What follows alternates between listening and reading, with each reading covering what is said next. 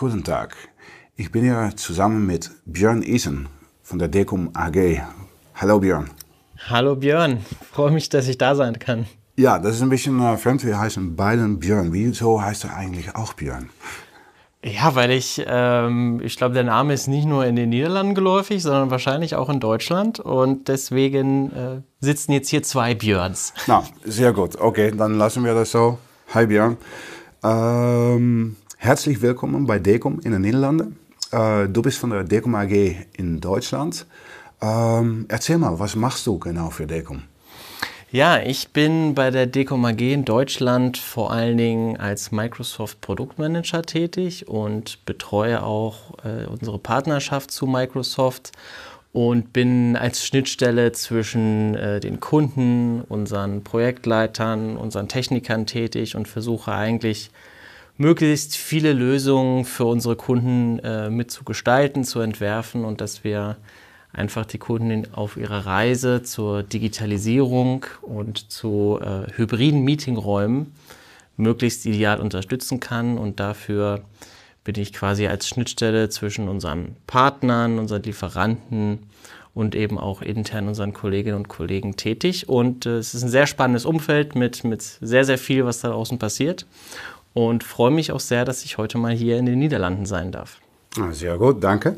Äh, du warst gestern auch schon hier. Äh, wie war das? Erzähl mal, was haben wir gestern eigentlich gemacht? Also heute ist 1. Dezember, gestern war 30. November. Was war gestern? Ja, gestern 30. November, äh, ganz, ganz tolle Erfahrung. Ich durfte bei meinem ersten, sagen wir mal, Event unserer Länderpartner dabei sein. Wir waren auf einer, in einer ganz tollen Location, einem, einem Golfpark war das, hier in der Nähe von Breda und haben ein, ein Microsoft äh, Kunden- und Partner-Event durchgeführt ähm, in einer sehr gemütlichen Atmosphäre, in so einem kleinen, und einem Rooftop, in einem kleinen Raum und haben vornehmlich über das Thema künstliche Intelligenz gesprochen. Ja. Und wie Microsoft äh, dazu steht, welche Lösungen wir als Decom anbieten können und sind einfach mit den Kunden und mit den Partnern ins Gespräch gekommen und ich fand das eine, eine sehr gelungene Veranstaltung. Wir hatten äh, sehr inspirierende Keynote-Speaker da, einmal von Microsoft selber und auch von äh, Felix Denayer, einem, einem sehr bekannten äh, Hockeyspieler. Ich glaube sogar dem Team der, der belgischen Hockey-Nationalmannschaft. Ne? So ja, es. stimmt. Äh, Felix Denayer ist äh, Kapitän ähm, von der belgischen Mannschaft ähm, und hat mit Belgien im Bereich von Fieldhockey dann alles gewonnen. Europameister, Weltmeister, äh, Olympicsieger. Also das war wirklich ein, ein sehr inspirierender, motivierender äh, Keynote. Ähm, ich war sehr stolz, dass er äh, da war. Ähm, und etwas Lockeres bringt bei das eigentlich sehr ähm, schwierige Thema ähm, künstliche Intelligenz oder AI, so wie wir das nennen. Ähm, ja, das war gut. Äh, das hat alle Leute Spaß gemacht. Ähm, allen hatten das sehr gut gefunden. Also wir waren zusammen mit ähm, äh, Logitech, Lenovo, Humley, ähm, Neat, Cisco, Microsoft selber und vergesse ich noch einer? Poly war, glaube ich, auch Poly, dabei. HP Poly, ja, natürlich. Ja. Also unsere sechs Lieferanten im Bereich von UC, äh, Humley für Raumbuchungssysteme mhm. und dann Microsoft selber, ja. Das, ähm, das war ein sehr gut gelungenes Event. Ähm, stolz bin ich darauf. Ähm, wir hatten so 60 Kunden und 30 Leute von Lieferanten und äh, Decom äh, Männer und Frauen selber. Ähm, sehr gemütlich war es. Äh, ich finde auch teilweise äh, äh, professionell und entspannt. Ähm, was kannst du sagen über Differenz zwischen wie wir das machen in Holland und wie euch das macht in ähm, Deutschland?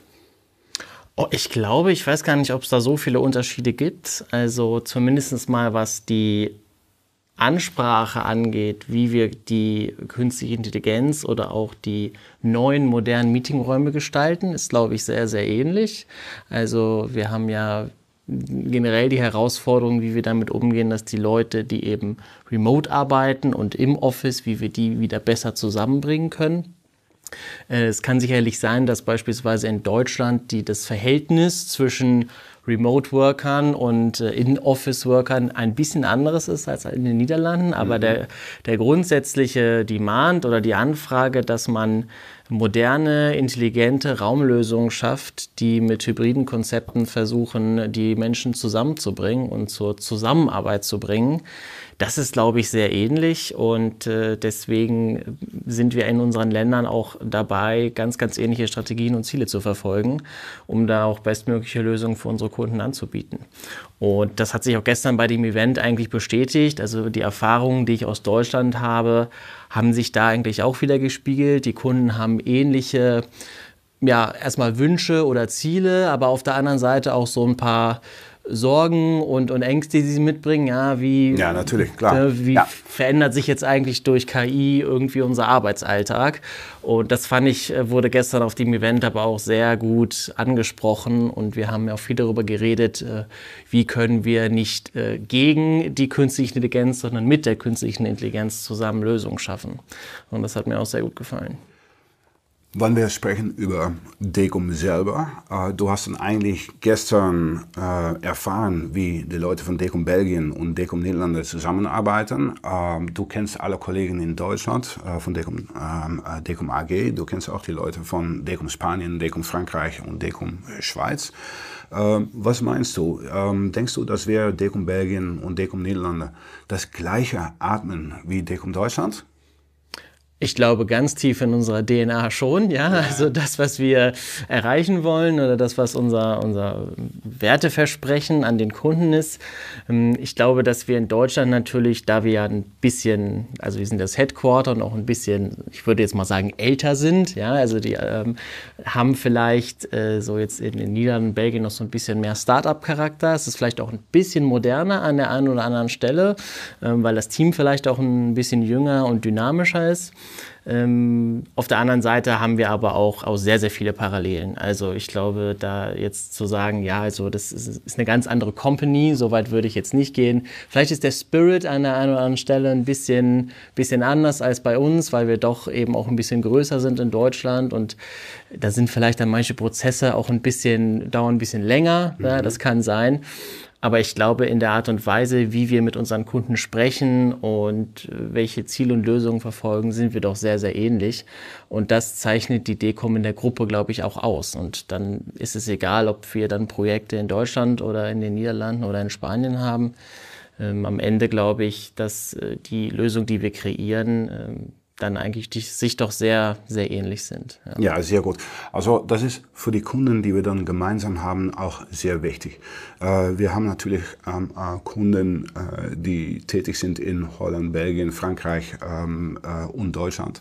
Äh, einmal ist das ähm, ist ein Origin in Deutschland, äh, dann ist das ein Decum AG-Kunde und verbreitet sich das äh, über Belgien und Niederlanden und helfen wir euch dabei. Äh, dann ist es natürlich wichtig, dass wir das Gleiche atmen und ich finde auch, das machen wir auch gut. Also für Kunden ist das wichtig zu wissen, dass überall, wo Decum ist, können wir eigentlich ähm, nach Decum-Maßnahmen helfen. Ich finde, wir machen das gut. Äh, wir arbeiten da äh, dabei gut zusammen. Du machst sehr gute Arbeit zusammen mit äh, Jean-Paul im Bereich von Microsoft, dass wir allen das Gleiche haben, dass wir alles verstehen. was müssen wir tun? Welche Zertifizierungen müssen wir in Ordnung haben? wer muss was noch lernen? wo stehen wir eigentlich und wie gehen wir gemeinsam ähm, auf den Markt? Und wie, wie reden wir mit unseren Kunden? Mit welchen ähm, Informationen? ähm, kommen wir zurecht. Also ich bin echt so stolz darauf, dass wir, dass wir das zusammen so gut machen. Ähm, andere Sachen, was, was, hast, was ist noch mehr aufgefallen in, in Holland oder Belgien? Was hast du noch mehr gesehen? Ähm, also ich glaube, dass in Holland, wenn ich jetzt, das ist mein, ich bin ja nicht zum ersten Mal bei euch, ich habe euch ja schon mehrfach besucht und ich glaube, wenn ich jetzt so ein bisschen das mit Deutschland vergleiche, ist, dass hier doch die, das Mindset, was äh, digitale Lösungen geht, so ein äh, was digitale Lösungen angeht, so ein bisschen lockerer ist als vielleicht in Deutschland. Es gibt in Deutschland vielleicht, was auch historisch gewachsen sein mag, ein, ein paar strengere Vorschriften oder sagen wir mal, ähm, ja, auch äh, Dinge, die einfach länger dauern, ja, in, in Produktentwicklung oder auch in der Art und Weise, wie sich Unternehmen digitalisieren. Ich glaube, dass dafür die Strukturen in Holland vielleicht ein bisschen einfacher sind oder schneller sind und vielleicht deswegen auch äh, Projektzyklen etwas kürzer sein mögen, ja, Entscheidungen schneller gefällt werden, was aber einfach mit der Art und Weise, wie, wie Unternehmen strukturiert sind, zu tun hat. Und wir haben in Deutschland natürlich auch sehr viele äh, gesetzte Unternehmen, ja, die auch schon, die älter sind oder die eben historisch gewachsen sind. Und da äh, kann es dann eben sein, dass äh, manchmal die Projekte einfach länger dauern. Also das ist mir in den Niederlanden aufgefallen, dass ihr doch äh, viele Kunden hier habt, die, die sehr, sehr offen für Digitalisierung sind oder auch für die Modernisierung. Und das ist vielleicht nochmal so ein kleiner Unterschied, der mir aufgefallen ist. Ja, das, das glaube ich auch. Es sind auch ein bisschen die kulturellen äh, Unter Unterschiede. Ähm, na, sehr gut, Björn. Ähm, ich will noch fragen, ähm, wohin ist deine nächste Reise? Welche, welches Dekumland besuchst du? Das, äh, das ist eine gute Frage. Ich glaube, ich würde sehr gerne mal als nächstes zu unseren spanischen Kollegen reisen, mhm. denn wir haben ja auch die, die ISI jetzt im Januar in Barcelona. Ja. Und äh, vielleicht lässt sich das ja irgendwie miteinander verbinden, dass man dann auf der Reise äh, quasi nochmal einen kleinen Schlenker macht und die spanischen Kollegen auch mal besucht. Ähm, das würde mich sehr freuen. Und das wäre wahrscheinlich mal meine nächste Station die ich gerne einpeilen würde. Okay, ja. perfekt. Kann ich dir auch sehr empfehlen. Also ich war oft mal bei äh, Jesus Garzon in, ja. äh, in Spanien, Madrid. Wir haben da auch ein Büro in äh, Barcelona, auch interessant.